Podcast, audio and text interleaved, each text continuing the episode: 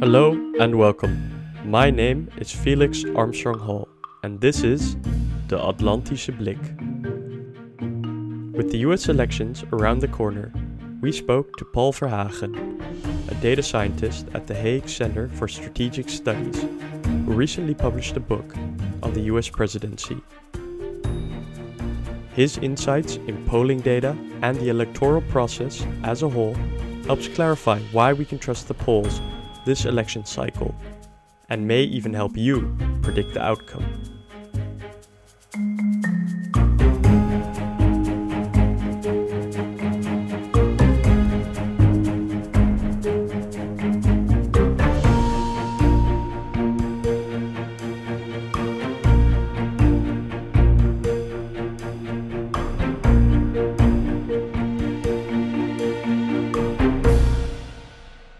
Verhagen, thank you for joining us on the cusp of election night.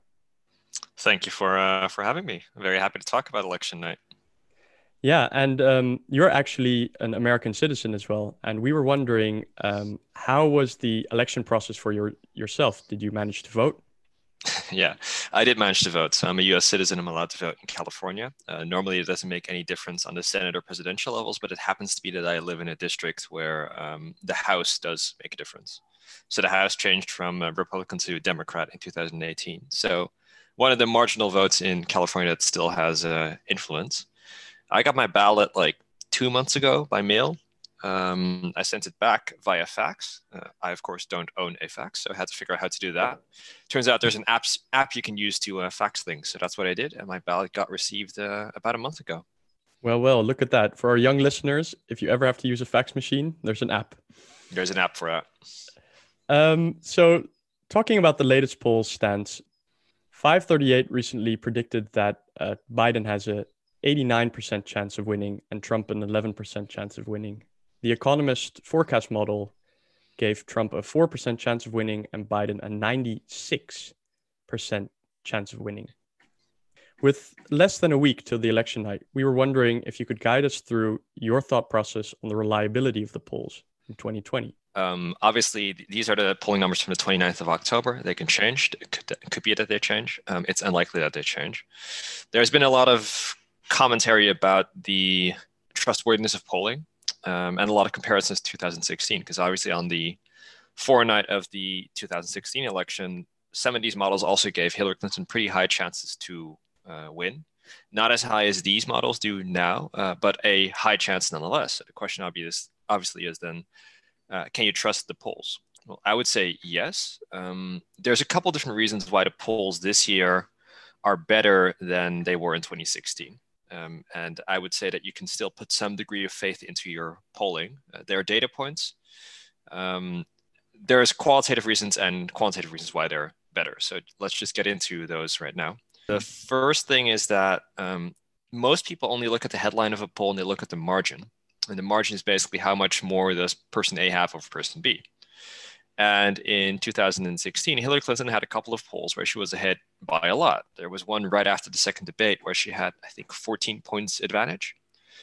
Uh, this is more or less in line with what Biden has right now. I believe it's something like 11 or 12 points in the uh, 538 average. But there's a difference there as well. Um, for one, Biden's lead has been much, much more stable than uh, Hillary Clinton's has. So Biden has been at plus eight in the national vote since the end of July.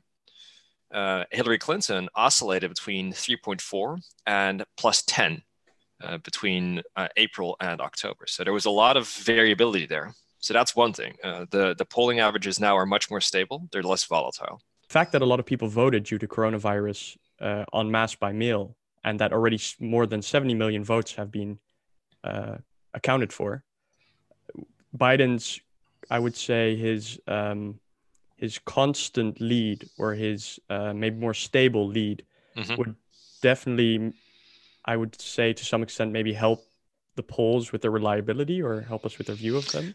Mm, well, not entirely, uh, because it doesn't have so much bearance on the polling itself. There are some polls that indeed correct for not you already voted, because then it's not particularly useful to, to still poll those people because it's not a poll. It's, they, you already know how they voted. Uh, but obviously, it does mean that a earlier point in time occurs where people actually start converting polling advantages into voting advantages. Right. So if you're ahead by 10 points two months ahead of the polls uh, of the election and you already start voting, then some of that polling advantage is going to be baked in, especially if it's a very stable lead. So that, so that is true. Uh, but most of the sort of the A plus rated polling firms, they make sure that they only poll people that haven't voted yet, because that's the most salient uh, data point that you want to have. Um, the other difference with 2016 is uh, undecided. So in particular, uh, Hillary Clinton, despite having a polling advantage, never had a average in the national polls or in some of the state polls that was higher than 50%. As most of the listeners will be aware, the United States system is a two-party system, meaning that a 50% advantage is a crucial point because it means that not only do you have a absolute majority within the electorate that is in favor of you, it means that your opponent can't win based solely on independents or on undecideds.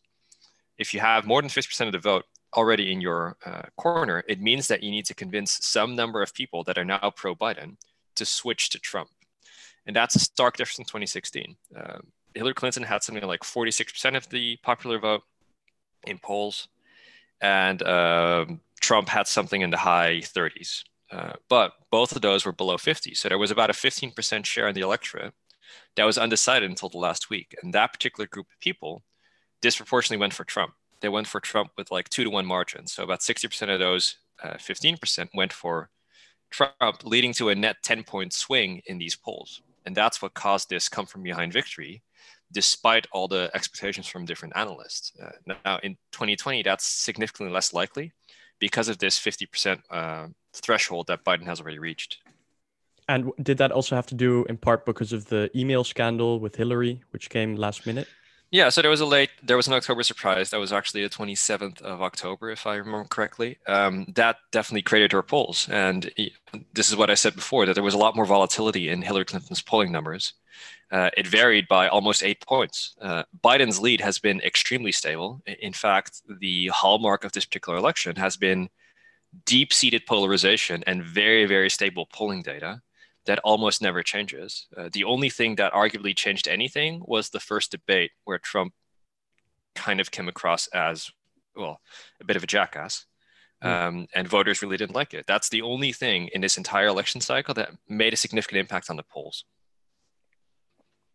So, assuming that Biden doesn't have any October surprises or maybe even November mm-hmm. uh, surprises, then um, he'll probably maintain his stable polling position. Yeah, there's there's reason to be optimistic. Um, I will immediately caution as well that polls are polls, right? They're not results. Um, an 11% chance that 538 gives to uh, Trump is not a 0% chance. If I sold you a car and I told you there's an 11% chance that the wheels fall off, you would reconsider buying that car, right? It's not a it's not a 0% chance, and it, it is a real outcome that could still occur in basically no other democracy would a candidate have a 10 point lead in the national vote uh, and still and it would still not be clear who would win the election right? In every other country that would translate into a direct win. It's just because of the electoral college that uh, it doesn't matter how many votes you get so much as it matter where you get those votes and that's particular to america.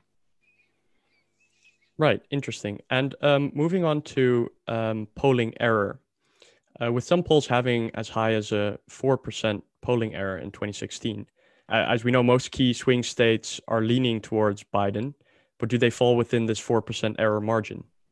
Some of them do, some of them don't. Um, the polling lead in, for instance, the blue wall states, the famous states that Hillary Clinton lost, so Pennsylvania, Michigan, and Wisconsin, those tend to be fairly robust. Those oscillate somewhere between plus eight in Michigan for in Pennsylvania for Biden to plus, uh, 12 or so in Michigan and uh, Wisconsin. Um, this is also one of those interesting points about 2016 because people people have difficulty understanding statistical data and understanding the notion of polling error.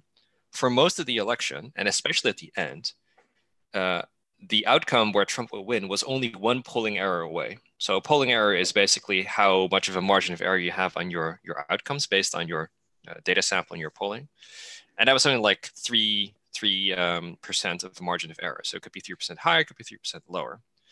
Uh, in this case, right now, where we are with Biden, you would need something like two or maybe even three polling errors or orders of magnitude in polling error to actually get a result where Trump wins. So uh, not only is the number that Biden has much more resistant to flukes like polling error, uh, it's also that the quality of polling itself has been uh, considerably improved since 2016. So one of the issues, for instance, in the, in the polling in 2016 was that the polls were not actually capturing especially low educated uh, white uh, rural voters. And that's a group that disproportionately went for Trump. And this was systematic across all different uh, polls. So what it was doing was it, it was essentially giving slightly higher democratic numbers uh, than the reality actually um, reflected. Now, these days, almost every good poller uh, corrects for education level. It turns out that that's very strongly uh, correlated with who you're going to vote for. So if they see that there's not enough lower educated white voters in their sample, they will correct for it. So they'll weigh these voters in a different way, and that leads to better results. And there was kind of a passive faith in the polls. Do you believe that there was a complacency in the 2016 election by Democrats who believed Clinton would win? Yeah, there was some degree of complacency. Uh, you can also see that from the fact that a definitely for modern standards, historically large number of people voted for third parties. And if you look at things like the, if you go into YouTube and you look at the guest list that Stephen Colbert had on his show around 2016 in the lead up to the election, you'll see a whole range of sort of progressive Hollywood icons like Viggo Mortensen and such that are all saying, well, I think Hillary Clinton's going to win, but I don't like her platform, so I'm going to vote for Jill Stein, the, the Green Party. Or I'm going to vote for Gary Johnson, the Libertarian Party. So all in all, that was something like 4% of the vote.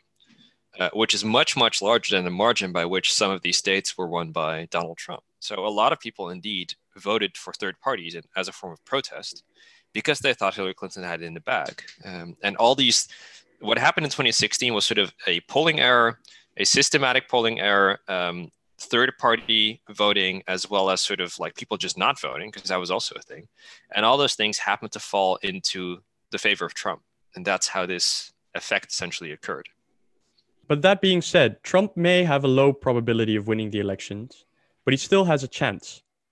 Uh, yep. With 538 giving him roughly the same chance as rolling a one on a six sided die, how would Trump and his campaign team be able to grab the win and the 270 electoral votes required? Okay.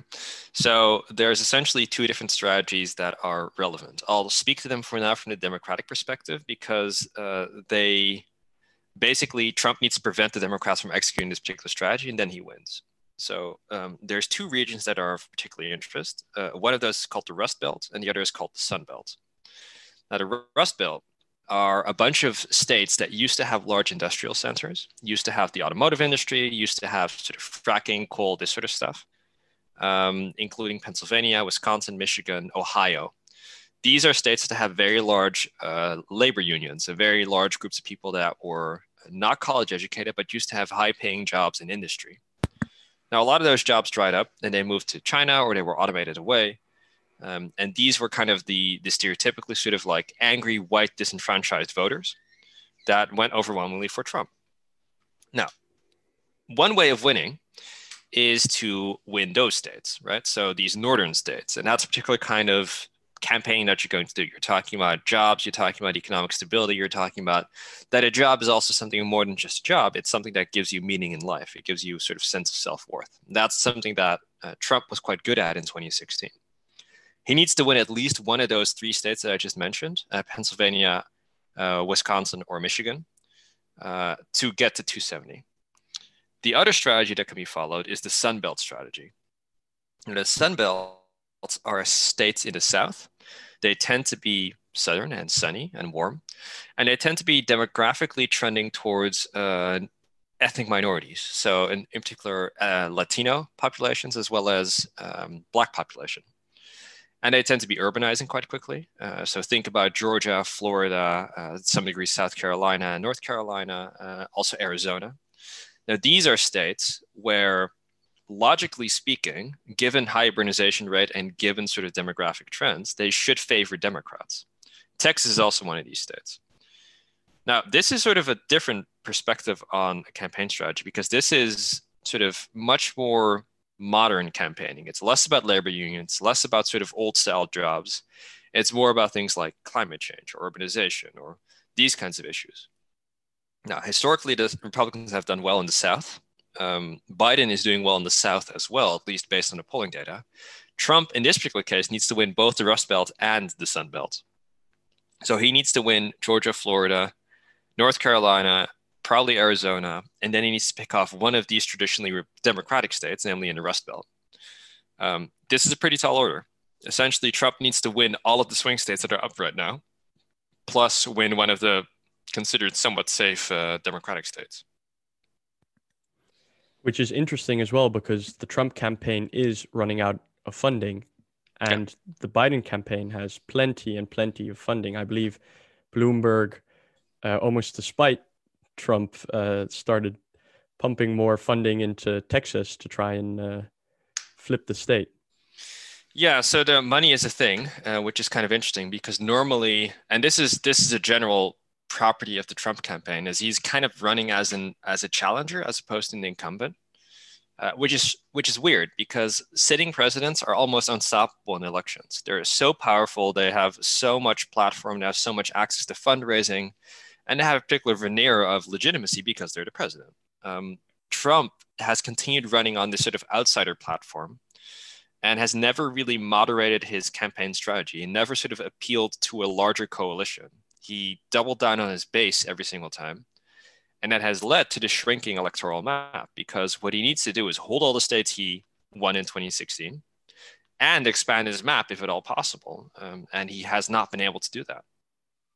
Right. And those jobs which he promised to bring back in the Rust Belt and so on, they haven't come back in the automotive industry. So I think much of his base from the previous election may be a bit disgruntled, but that's just speculation on my behalf. That could be. Um, definitely, the coronavirus pandemic has not helped his argument. Um, the Republicans really wanted to run on record economy. I'll point out immediately that's not a record economy. Uh, by most measures, it's fairly good economy, but not record by any means. Um, and they wanted to avoid making it a referendum on Trump as a person because personally, he's not very well liked. Uh, he comes a bit across as a jackass. He comes across as unethical and immoral and all these kinds of things. Um, but the argument was always like, well, but look what he achieved. Um, obviously, with Corona, we're now dealing with not only a public health crisis, but also an economic crisis. And that's deeply problematizing the Republican strategy to campaign. Um, on a brief side note, uh, Corona has had a massive impact on this election, uh, both in Trump's approval rating and in the manner in which parties campaigned. Do you think that the style of campaigning was was significantly changed by the coronavirus. Definitely on the Democratic side. Um, what was interesting was actually that the Democrats realized much earlier on than Trump did, or the Republicans in general, that from a fundraising perspective, uh, campaigning in a corona environment is actually really good because you can now fundraise by just doing a Zoom call. It costs you nothing. You don't have to fly out your candidate. You just put them in a basement with some Wi Fi and a good connection, and you can still fundraise uh, Trump has uh, publicly spoken out about how he dislikes Zoom. He dislikes uh, using technology and he wants to be in the room with the people. Uh, so he has not made as much use of these kind of Zoom fundraisers as the Democrats have. The other thing is, of course, that having rallies in a global health pandemic uh, or a global pandemic is problematic. Um, we saw already that some of his supporters caught corona from going to rallies, especially one in Oklahoma. Um, and that this is, you know, it, it doubles down on this idea that coronavirus is not a big problem. Uh, and that is something that is really only believed by the hardcore Trump base, um, as well as some of the sort of really fringe uh, elements of society, so like QAnon supporters and these kinds of uh, types. And it made him seem, uh, at the very least, detached from the problems that everyday Americans were having. Um, the the problem is sort of if you say there is no virus and you have an empty chair at your kitchen table because someone died in your family, that argument is not only insensitive, um, it's counterproductive. It, it actually actively scares p- people away from voting for Trump. So his handling of the whole coronavirus on its own, how he dealt with masks and this sort of stuff, is poorly appraised. People don't like it. And his insistence to try and keep going as normal, despite all the evidence to the contrary that we shouldn't do that, um, has only compounded this effect. And it's almost as if his hubris, pride of not wanting to wear a mask and um, holding holding these rallies, in the end will be his downfall. Um, moving on, I briefly wanted to discuss the 70 million votes which have already been cast. Could you mm-hmm. describe them briefly? Uh, are were they all mail-in votes, or were some uh, in no, person? so it's a combination of in-person early voting uh, as well as mail-in vote. So for a lot of states, what you saw was that uh, in-person voting opened up quite early, and uh, you must have seen the the lines in Texas and Georgia, 11 hours long, um, where people were able to vote in person early on. Uh, for a lot of other people, they voted by mail, including myself. I voted by fax. Um, this is historically high. So about 70 million people have voted at this point. It's somewhat difficult to tie a conclusion or an observation to that. We know some things, namely that for most, the people that vote early tend to be the most partisan. They tend to have made up their mind already. Um, and it turns out that if you start polling this stuff, that uh, for the vast majority of people that vote by mail, that they want Biden to be the president. Uh, Trump supporters are much more likely to want to vote in person on election day itself. The second thing is that turnout as a whole is going to be at record levels. So some analysts expect as many as 150 million people to vote. To put that into perspective, in 2016, I believe something like 135 million people voted. So that's a 10% increase. Um, high turnout environments typically favor Democrats because the most reliable voters tend to be older, whiter, and more rural and tend to favor Republicans. So basically, in any environment where there's a high turnout kind of election, it tends to be people that don't normally vote. So ethnic minorities or younger people, and they tend to favor Democrats over Republicans which is interesting as well because you saw the Democratic Party using unconventional methods of approaching younger people. Um, an example would be the Twitch streaming service, which AOC used to uh, court, I would say, yeah. many, uh, many younger voters. And uh, I think there was something I can't remember exactly, but like 400,000 uh, people who tuned in yeah.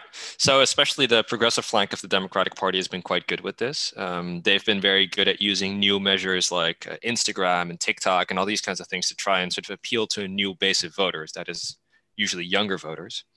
Um, Hillary Clinton, to her credit, also tried to do this. She made the, the rather cringy joke to Pokemon go to the polls. Um, that didn't quite land. Uh, but this year, there is a lot of youth enthusiasm. Uh, the youth vote is up by considerable margins. Uh, and that is in part because a lot of younger people, A, really don't like Trump, and B, saw a bunch of elections essentially go go the other way because young people are politically disengaged. So I'm thinking in particular about the 2016 election, but also the Brexit referendum, uh, where a very small sample of people actually ended up voting that were below the age of 29 at this particular moment in time, uh, the largest demographic group in the United States is actually millennials. It's no longer baby boomers. Uh, so millennials are people between the age of, say, 35 and 20 uh, ish. That's now the largest cohort of voters. And that cohort of voters is also one of the least likely to show up on elections. So that's an issue. Let's do a hypothetical situation. Imagine if Biden does win the election, however, only with a slight margin. Mm-hmm. What consequences would this have for Trump accepting the result? Trump has repeatedly suggested that the only way he would lose the election would be if it was rigged. Um, what are your thoughts on that? And could you give us maybe a little bit of foresight in a couple of scenarios how election night could unfold? Okay, so let's start with the worst case scenario. Um, the worst worst case scenario is a tie in the electoral college. Um, the Electoral College has 400 and, uh, 538 votes, which is stupid because it's an equal number. So it means that ties are possible in that particular system. So there is the prospect of a 269 to 269 tie. Now, in that particular case, the House of Representatives will decide the president and the Senate will decide the vice president. And I won't get into the entire constitutional uh, logic of this, uh, but this will be highly politicized. this is going to be basically a shit show. The second worst case scenario is either a small Trump victory with a very large lead for Trump uh, for Biden in the popular vote. So essentially, a repeat of 2016, but worse. Uh, Hillary Clinton won by I think 2.4 percent the popular vote, 2.1 percent actually. If Biden wins the popular vote by like six percent and still lose the electoral college, then the legitimacy of this whole system is kind of questionable. Um, in that particular situation, um, Biden will probably accept the results, uh, albeit with uh, you know considerable grievances, and Trump will remain president. It also depends a little bit, of course, on what the Senate and the House does. The next scenario is a small Biden win. Now, for a small Biden win, um, Trump is going to still complain about uh, voter fraud. He's going to make a number of different lawsuits in different states. Uh, there will be a lot of like trying to delegitimize the results. There will be a lot of conspiracy theories about, well, Biden didn't win that well, and like you know, if only these, like, what happened to these ten thousand votes? And it's going to essentially be a media frenzy for a long, long time, and it's also going to uh, pretty deeply weaken Biden's mandate to get anything done. And in this scenario, where you would have a fairly small Biden win, it's also not clear that the Senate would go Democratic. Um, and if the Senate stays in Republican hands, then you'll have kind of the same as the last year's of the Obama administration, where the Senate and Congress are really not doing anything.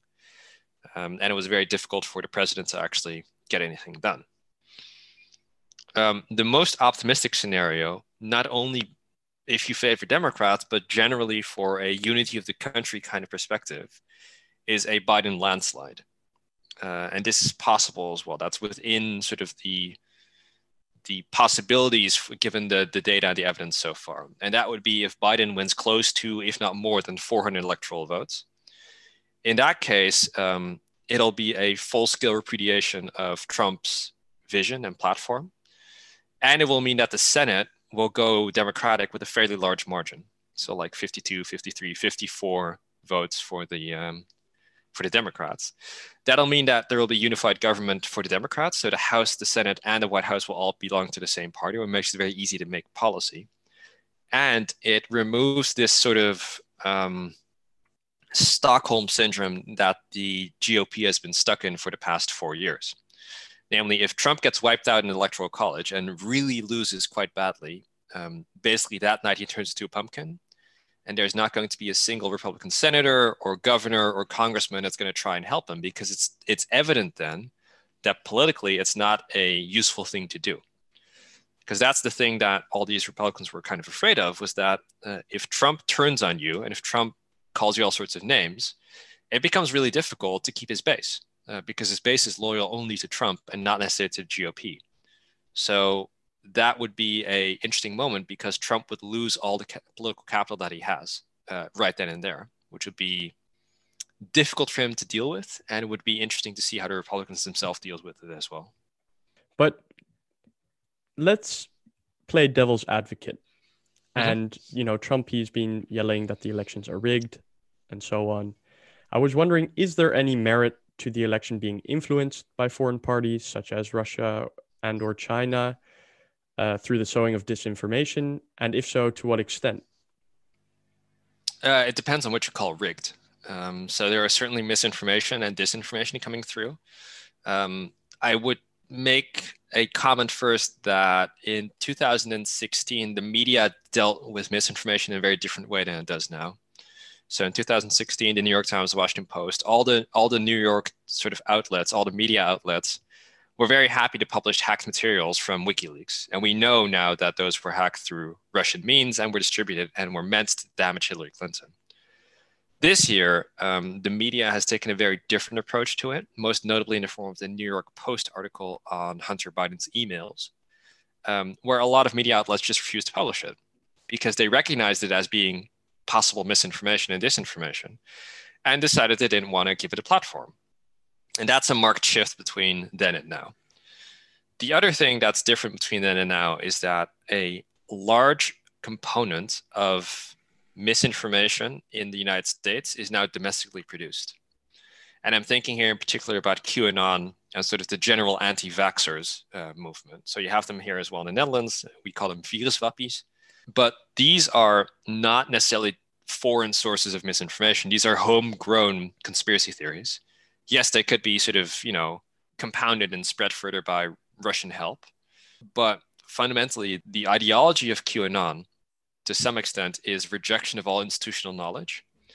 And that is the goal of Russian misinformation as well. It's to muddy the waters to an extent where no one can trust anything anymore and no one believes anything. No one believes institutions. No one believes the CDC. No one believes Anthony Fauci. No one believes the same thing. Uh, and that's an outcome that has been largely achieved, also because of this polarized media landscape. I'm just realizing myself that when you think about it, there's been relatively little misinformation in the main media or the major media uh, outlets. Yeah. Uh, and yeah. that's a completely contrasting difference to 2016 yeah indeed. So in 2016 you would you would you know have your smartphone and you would get a billion push notification on the exact same thing namely oh hillary clinton in email said x y and z john podesta and then what about her emails? Um, it's not it's not quite the same this year. So that's that's quite a large difference uh, with then. Yeah. Uh, and then one more uh, devil's advocates question. Is there any reason to be worried about mail-in ballots? And what arguments from Trump, or not necessarily from Trump, but from the GOP, you would give some degree of merit to? Um, it depends again on how you formulate the question. So let me start by debunking something, which is that voter fraud is a big problem in the United States. It's not. Um, there was a lot of research done between 2000 and 2014 on the number of uh, fraudulent votes that were cast in the United States elections. Uh, this was something like 1.2 billion votes that they uh, went through. And out of those, they found 31, 31 that were fraudulent. So this is a tiny, tiny fraction and not even remotely close enough to swing even the tightest of elections. So the the larger myth that voter fraud is common and is a recurrence problem within the United States in the modern era is is essentially bullshit. It's not true. Uh, that being said, voter fraud in the past has been a large part of the American political system. And what is true about mail in vote is that mail in votes tend to get uh, rejected at a higher rate than in person votes. And that's because when you vote by mail, uh, they need to match the signature on the mailing ballot or on the ballot with the signature that they have on record. If they don't match, then they can reject the, uh, the vote. There's other things like the, the naked ballot provision in Pennsylvania. So basically, there's two envelopes. You need to do one envelope inside the other envelope in Pennsylvania. If you don't do that, then your vote's considered illegitimate and they won't count it. So there's just a, a number of different steps, additional steps that need to be taken when you vote by mail that lead to a higher rejection rate for mail uh, mail-in vote. It has nothing to do with fraud. It has to do more with anti-fraud provisions. And also, the cynical interpretation of this is that these provisions were specifically meant to make it harder for especially ethnic minorities to vote. Hmm. So what you'll find is that disenfranchised voters, in particular younger people, ethnic minorities, and poor people, tend to have their mail-in votes rejected at a higher rate than uh, sort of quote unquote normal votes. So you essentially have to be more electoral literate, you could say. You could yeah, argue. and there's a very clear analogy for this as well. Um, the the United States is the country that makes it the hardest to vote out of the entire world for a full democracy, right? There's like autocracies that, you know, actually make it hard to vote. But in the United States, there's been a very long history of voter suppression. And if you are a poor worker, uh, remember that election day is not a public holiday, right? It's just a working day. You're a poor worker, you're in Georgia, and you stand in line for 11 hours to vote. You need to take a day off, right? You need to give up salary. And if you don't have those means, if you're just making by in the middle of an economic crisis and a pandemic, then you might not have the financial means to actually go out and exercise your right to vote. So the people that are A, not very bureaucratically savvy or don't have the time to actually go through all the bureaucratic steps, or B, don't have the means, the transportation, the time, uh, the energy to go out and vote, uh, are both marginalized. And that tends to hit particular groups more than other groups. Well, that's a stark contrast to what we have here in Europe, I would say, and uh, it's actually a very sad and harsh reality. But moving on, um, with already rising court cases filed by both Republicans and Democrats, um, to what extent will we have a repeat of something similar to Gore versus Bush in the 2000 presidential election. I know that recently uh, Amy Coney Barrett was um, confirmed on the Supreme Court. Uh, what implications would this have for an outcome decided by the Supreme Court? Yeah, so definitely in, in states where the margin will be very close, there will be lawsuits filed. There are already a lot of lawsuits filed to try and um, sort of control uh, mail-in vote in particular. So there was a lawsuit, for instance, in Wisconsin, where the Supreme Court decided that uh, ballots need to be received by election day and not postmarked by election day. Other states allow for ballots to come in after the election and then still count them as long as they're postmarked by election day. So there's a lot of legal wrangling about that. And the Supreme Court hasn't necessarily unilaterally decided either in favor or against. They, they sort of do it more on a case by case basis. Uh, the reality is, of course, that at, at, as it currently stands, there's a six to three majority of conservative justices on the Supreme Court, three of whom have been appointed by Trump. And it would seem likely then that if there is an election dispute that rises to the Supreme Court at some co- case, that the Supreme Court would f- rule in favor of um, of Donald Trump, of the president. Um, this will be tricky. Uh, this was tricky in 2000 as well. The Supreme Court then decided to stop a recount uh, with a 5 4 majority on the conservative side. And it was at the time accepted because the Supreme Court was seen as a legitimate institution. Now, one result of Trump's four years in office has been that faith in institutions has been considerably lower than it has been in the past. So it's even questionable if a polarizing decision by a couple of judges that were unelected, and in, in the case of Amy Coney Barrett, rushed through at the end, would be seen as a legitimate outcome. Uh, and this is deeply troubling because if it's not seen as a legitimate outcome, then you've essentially lost your last guardrail towards social unrest uh, because the Supreme Court is supposed to be the ultimate arbiter of these kinds of cases. And if it's not accepted, then what comes next is um, going to be troubling.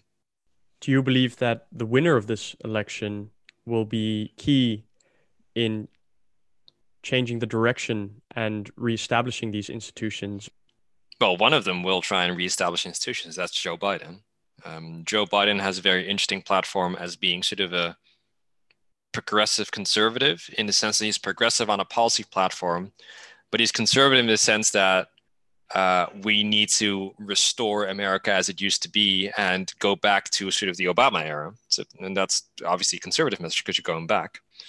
Um, he seems to think that institutional knowledge is important, that the media is important, that having science and facts on your side is important.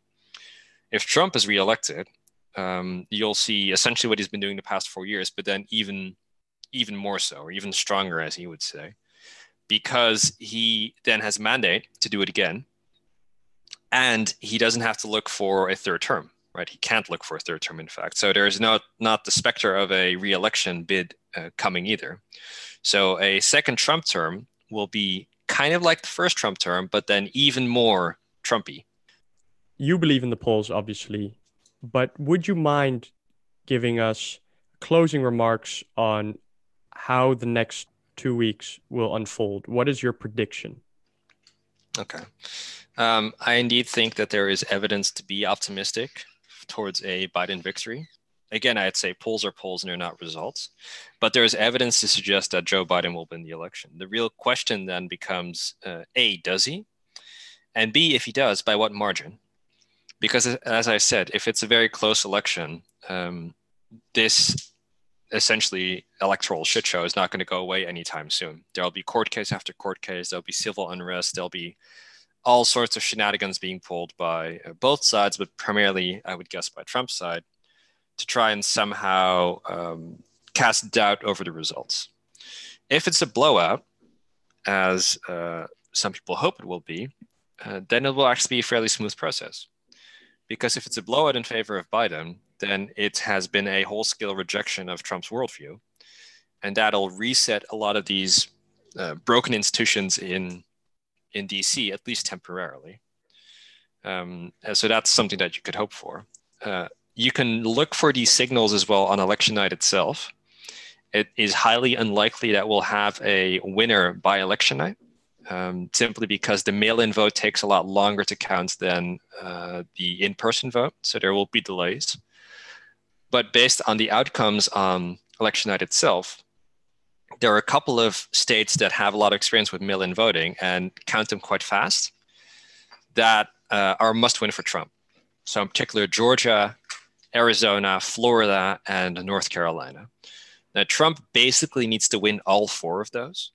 And those states are likely to actually uh, give results on election night itself. So if Biden wins in Florida, then it's already over. Uh, if Biden wins in Florida, then the number of paths that Trump has to 270 electoral votes is almost zero. There are some very, very wacky outcomes that you could have, but you could say with a high degree of certainty then that Biden will win the presidency. If on election night it turns out that all four of the states go Republican, then you need to buckle up because then it's going to be uh, at least a couple days, if not a couple of weeks, before it's clear who won the election, and then we're in for quite the uh, the fiesta who knows? We might have you then on again for the podcast. We'll see. I hope I can sleep in between, but uh, yes, it's going to be um, very interesting and stressful time. Well, thank you very much for coming on the podcast. Um, I certainly learned a lot and really enjoyed myself. Um, for our Dutch listeners interested in learning more about the American presidency, please consider purchasing Paul Verhagen's recently published book, Het Amerikaanse presidentschap, het machtigste ambt ter wereld and or follow him on Twitter at PJ Verhagen. Paul, thank you very, very much. Happy to talk to you, and let me know if you have any other interesting topics you would want me to uh, rant about in a podcast.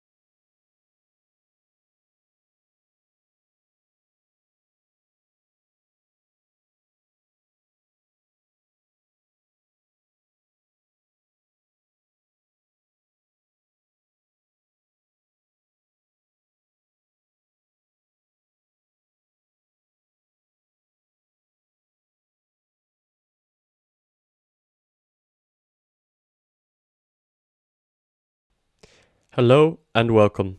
My name is Felix Armstrong Hall, and this is the Atlantische Blik.